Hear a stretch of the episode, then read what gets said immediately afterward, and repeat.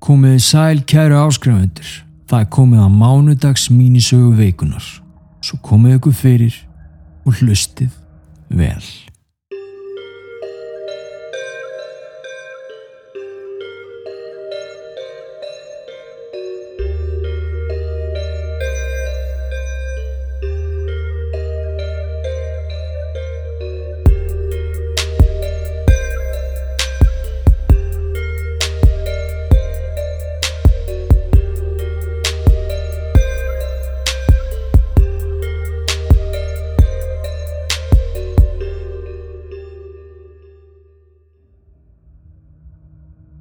Ef þau eru að fylgja okkur á samfélagsmiðlum þá hafið þið kannski séð að akkurat í þessum töluðu orðum þá eru við að endur hanna stúdíóið okkar hérna heima. Já, í samvinnu við netverslununa Eva Home.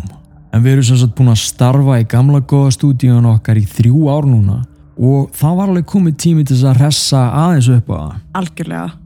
En út af þessum framkvæmdum þá vorum við, við vorum eiginlega ekki vissum hvort við myndum ná að segja ykkur mánudags mínisögu Nei. á réttum tíma. Akkurat. Nema hvað, þegar ég var að lesa fréttinar um helgina, þá rakst ég á mjög áhugaverða frásögn og ég vissi að við yrðum að deilinni með ykkur. Þannig að akkurat núna er húsið okkar í rústi. Framkvæmdur á miljón og við sittum í stofunni heima hjá okkur að taka upp þessa mínisögu. Þannig að hljóðið er kannski ekki alveg eins og það á að vera. En ég vona að þið takið ekki ómikið eftir því. Sagan okkar í dag fjallar um dúkku.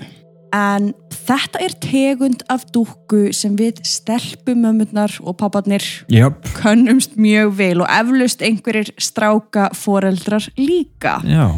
Við erum að tala um okkar ástkæru Elsu dúkku úr Frozen sem talar og syngur Let it go þegar að ítt er á maganáni eða á einhvern part Já. á dúkkunni stundum er það hálsmenn, stundum er það mægin, stundum er það bakið en allavega hún syngur Já, ég held að allir foreldrar hafi átt svona dúkku inn á heimilinu sínu. mm Því miður.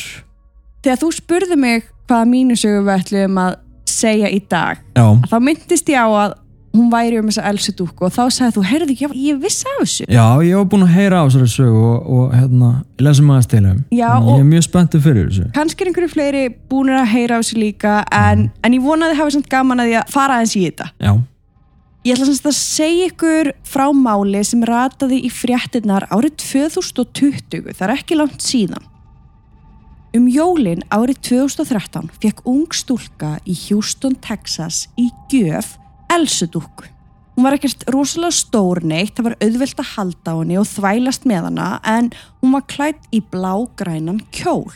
Hún var eflust með fléttu þegar hún var glæni en á öllum þessum árum sem stúlkan átti þessa dúkku þá hafði hún greinlega tekið úr henni fléttuna og sett í ljósa hárið hennar hátt tagl eins og börn gera við allar dúkkur. Það Að er rifið tegjan úr hárun að þeim og það er sett eitthvað annað fínt í. Já, já. Og fötin löngu horfin. Já. Um hálsin var dúkkan með hálsmenn og á þessu hálsmenni var takki. Þegar ítt var að taka hann þá sagði dúkkan alls konar frasa úr bíómyndinni og inn á milli söng hún lægið Let it go. Í tvö ár lék litla stúlkan sér með dúkkuna. En árið 2015 fór Elsa að tala bæði ennsku og spænsku. Ok. Fóreldrunum fannst það óvinnulegt en það var engin takki á dúkkunni til þess að breyta tungumáli hennar. Mæ, ok, það var einmitt það sem ég var að spá. Nei. Það var eitthvað svo leiðis. Nei, það var ekki. Þannig að þau gáturinn ekkert gert til þess að breyta stillingunni tilbaka. Mm Ef þetta var einhver stillingargalli það er að segja. Já, Þau vissi akkurat. ekki alveg hvernig þau ætti að breyðast við. Engi reset takkið eða neitt svo leiðis. Litla stúlkan, hún skildi ekki spænsku og fannst því ekkert jafn gaman að leika sér með hana þegar dúkkan fór meira og minna að tala spænsku alltaf og ennsku frasarnir og lögin hættu að spilast. Á dúkkunni var samt on og off takki, eflaust fyrir foreldra til þess að slökka á þessum söng endrum og eins og þar sem stúlkan var hægt að leika sér jafn mikið með Elsu þá ákveður móðurinnar að slökka á dúkkunni og kominni fyrir upp á hillu. En einhverja hluta vegna þá hjælt Elsa áfram að tala og syngja á spænsku þegar henni hendaði, þrátt fyrir að það væri slögt á henni. Árin liðu og Elsa helt áfram að syngja og foreldrarnir áttu þessu loksins á að þetta var ekki eðlilegt. Ekki bara vegna þess að í fyrsta lagi þá áttu dúkkan að tala ensku mm og það sem var slögt á henni þá áttu hún auðvitað ekkert að tala auðvitað en það sem þeim fannst skrítnast var að þau höfðu aldrei þurft að skipta um batteri í dúkkunni og núna voru liðin sex ár frá því hún kom inn á heimilið þeirra. Já, ok, við skulum svona gefa svona, hérna efasemdamannum smá að, þú veist, batteri í dúkkum og öðru dóti lifi kannski stundum gæðvögt lengi. Hvað lifir það lengi? Því ef ég bara hugsa um dót sem okkar börn eiga, Já, þetta er allt batterislaust eftir korter. ég veit það, en svo að maður sjálfur einhvern bíl frá því að maður var lítill og það er náttúrulega aldrei verið skipt um batteri á honum, en samt virkar hann eða eitthvað svo leiðis, gefur Ok. frá sér hljóð. Já, ok, mér fannst þetta svolítið förðulegt en algjörlega, þetta er eitthvað sem, að, sem við getum svona ekki í rauninni útilokað. Nei, Kannski bara hjælt batterið áfram að virka. Það var eitthvað ofur batteri. Já, ok. ok. Í desember árið 2019 ákveður fjölskyldan í saminningu að losa sig við dúkkuna. Þannig er náttúrulega stelpan orðin stærri. Já, Þú veist, það eru sex ár liðin, hún var löngu hægt að leika sig með þetta leikfang og ég meina foreldrarnir nefndi ekki að hafa hana lengur hérna búið hillu, syngjandi og talandi Nei, stanslaust.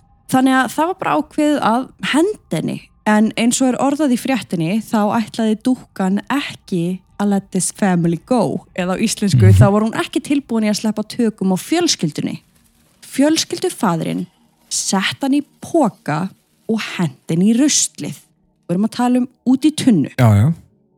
Einhverjar vikur liðu þanga til allt í einu fjölskyldan heyrir dúkkuna syngja einhver staðar inn á heimilið þeirra. Þau leita og finna Elsu ofan í viðarbekk. Það fyrsta sem foreldránum datt í hug var að krakkarnir þeirra hefðu sett hana þangað Akkurát. en þau neita og foreldrarnir trúðu þeim vegna þess að það var ansi ólíklegt að börnin hefðu farið ofan í ruslið, veitt upp dúkkuna og falið hana inn í húsinu. Þeim fannst þetta bara ekki alveg passa. Mæmi. Það var ekki eins og stúlkan sem, sem átti Elsu hafi haft einhvern áhuga á þessari dúkku þegar hann var hend. Ok, þannig að það er mjög ólíklegt að hún hafi eitthvað verið að Já, ná í hann aftur eða þá hún hafi haft eitthvað tilfinningalegt gildi fyrir sig. já þannig að þetta er svolítið skrítið. Já, Án þess að finna eðlilega skýringu á því hvernig dúkkan komst afturinn á heimilið þeirra þá ákveða þau að hendinni aftur.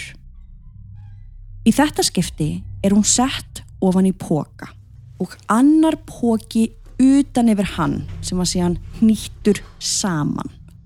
Fadurinn fer með pókan út í ruslatunnu og í þetta skipti setur hann pókan neðst ofan í tunnuna á sama degi og ruslamennir komi og tæmdu ruslið. Bara ok. Bara- perfect plan. Algjörlega. Nokkrum dögum síðar fer fjölskyldan út úr bænum og hugsar ekki um þetta aðtök meira. Þegar þau snúa svo tilbaka heim, hlaupa krakkatir fyrst út úr bílnum á meðan foreldrarnir bera dótin í húsið. Allt í einu kemur yngsta barnið til foreldra sinna og segir þeim að hann hafi séð Elsu í garðinum. Móðurinn trúð honum ekki alveg í fyrstu en þegar hún gekk inn í garðin sér hún Elsu dúkkuna sitja í grasinu upp við húsið og það er þarna sem hún skrifar grein á netið og byður um hjálp. Ok. Þar segir hún að hún veit ekki hvað hún eigi að gera. Þau væri núna búin að henda þessari dúkku tvis og sinnum en á einhvern fyrðulegan hátt þá rataði Elsa alltaf afturinn á heimilið þeirra. Hún lýsir því hvernig eiginmaðurinnar hafi sett Elsu í póka, sá póki var síðan settur í annan ruslapóka með heimilissorpi og að lokum voru þeir pókar settir neðist í tunnuna. Þau raunverulega sá ruslabílinn koma og tæma ruslið en samt var Elsa mætt þarna fyrir utan húsið heima hjá þeim. Hún setti líka inn vídeo af Elsu tala á spænsku og ég ætla að leifa ykkur að heyra smá bút úr því. En þetta er sem sagt móðurinn nýbúin að koma að Elsu út í gardi og það sem hún gerir er að taka upp á vídeo þegar hún ítir á hálsminnið og lætur Elsu tala. Ojalá jugáramos en la nieve todo el tiempo. Hacer magia con nieve juntas es muy divertido. A mi hermana Ana y a mí nos gusta jugar en la nieve dentro del castillo. Soy la princesa Elsa de Arendelle. Es increíble. ¿Jugamos otra vez? Nieve y hielo, a brillar les ordeno. ¿No es divertido jugar en la nieve? Qué bueno que somos amigas. Áhugavert. Eftir að hún setti þessa grein á netið þá spurði fólkana hvort að það væri mögulega einhver sem vissi af þessu og væri að rekja þau. En móðurinn svarar að Elsu dúkkan sem að dótturinnar átti væri með far á sér síðan dótturinnar hafi verið að leta. Greinilega þá hafði litla stelpan krótað eða litað eitthvað á Elsu og sama litafar var á þessari dúkku sem byrtist bæði ofan í bekknum og fyrir utan húsið og út af því þá voru þau vissum að þetta væri sama eintak af dúkkunni og þau höfðu hent út. Það fór ekki á milli mála. Það var bara eins og fæðingablættur eða tattoo. Já. Já. Þau ákveða svo að gera loka tilraun í að reyna að losa sig við dúkkuna. Þau senda hana í pósti til vinar sem heitir Hogan. Þau setja hana í kassa, loka honum vandlega, en rétt áður en þau taka hann upp til þess að fara með hann á pósthúsið, þá byrjar Elsa að hlæja inn í kassanum og hún hlægir stanslust í hálfa mínútu. Foreldrarnir sögðu að þau höfðu aldrei á þessum sex árum sem þau áttu dúkkuna hýrt hana hlæja svona mikið og lengi. Þau útskýrðu það þannig að hún hafði oft flissað eitthvað eftir setningu þegar, það, þegar hún er að segja einhvern frasa já, já. og svona smá hlátur. Já, eins og við erum að hlusta. Já, en þetta var bara stanslös hlátur í hálfa mínútu. Hmm. En ég get sagt ykkur það að Hogan er ekki rétti maðurinn til þess að taka við þessari dúkku. Ekki bara út af því að hann er skeptiskur, heldur líka af því að hann gerir grín af þessu stanslaust. Honum fannst fyndið að fjölskyldan skildi eigða svona miklum tíma og orku í að losna við dúkkuna. Já, já. Típiskur svona, efasenda maður. Þegar hann fekk síðan pakkan heim til sín þá grínaðist hann með því að fjarlæga dúkkuna úr kassanum og senda fóreldrónum mynd af tómum kassa. Djókið áttu sem þess að vera svo leiðis að dúkkan hafi horfið úr kassanum á einhvern hátt Uh, og að það fyndið. Hann ákvað síðan að festa Elsu fremst á bílinn sinn og keira með hana þannig. já, ég heyrði um þetta þessu. Mm. Hann er stanslust að auglýsa það hversu mikið hann trúir ekki á drauga eða djöfla og eins og ég sagði áðan gerir hann heglu skrín af þeim sem trúa. Ég sá síðan á Twitter síðunans skjáskot þann 15. janúar 2020 þar sem Zach Bagans hafði samband við hann og bauðist til þess að kaupa af honum dúkkuna til þess að flytja hana í safni sitt í Las Vegas. Hogan sagðist ekki þekki þennan herramann og að hann hefði engan áhuga á að styðja svona rugg. Hann væri maður vísindana og vildi ekki hvetja fólk til þess að horfa á neitt annað en vísindin. Þannig ég held að sko, ég veit ekki hvort hann hafi einhvern tíma svara sekk Nei. en ég held ekki. Það sem hann postaði á Twitter síðan og sína var bara skjáskot af skilabóðum frá sekk, ekkert svar hans megin Nei, ok. og eftir því sem ég best veit þá er dúkkan ennþá í hans eigu. Og hér líkur sögunni um Elsu, dúkkuna frá Houston, Texas, allavega í byli. En ég mun halda áfram að fylgjast með fréttum og Twitter síðu Hókans og ef eitthvað breytist eða nýjar upplýsingar komið på yfirborðið þá verður þið fyrst til þess að vita það.